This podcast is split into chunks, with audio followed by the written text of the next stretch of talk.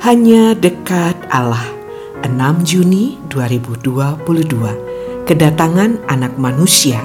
Lukas 17 ayat 22 sampai 36 Berkait dengan kedatangan anak manusia, sang guru menyatakan, sama seperti yang terjadi pada zaman Nuh, demikian pula lah halnya kelak pada hari-hari anak manusia.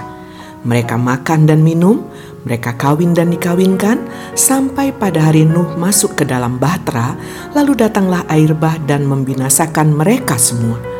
Demikian juga seperti yang terjadi di zaman Lot. Mereka makan dan minum, mereka berjual beli, mereka menanam dan membangun, tetapi pada hari Lot pergi keluar dari Sodom, turunlah hujan api dan hujan belerang dari langit dan membinasakan mereka semua. Sepertinya Yesus orang Nazaret hendak mengingatkan bahwa semuanya tampak biasa, tak ada yang istimewa, sehingga tidak ada orang yang menyangka bahwa itulah saat kedatangan Anak Manusia.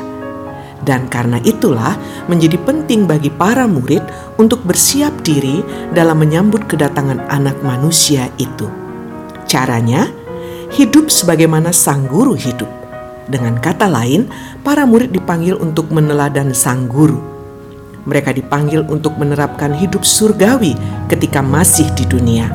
Hal ini, jika memang sungguh-sungguh menjadi laku hidup, akan menolong mereka untuk siap kapan saja harinya tiba.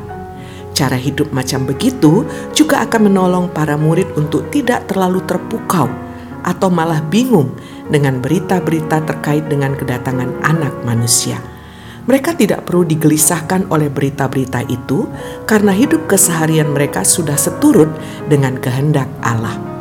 Ya, bagi orang percaya, berita-berita tentang kedatangan Anak Manusia tak perlu membuat mereka heboh.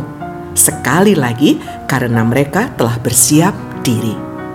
Salam semangat dari kami, literatur perkantas nasional. Sahabat Anda bertumbuh.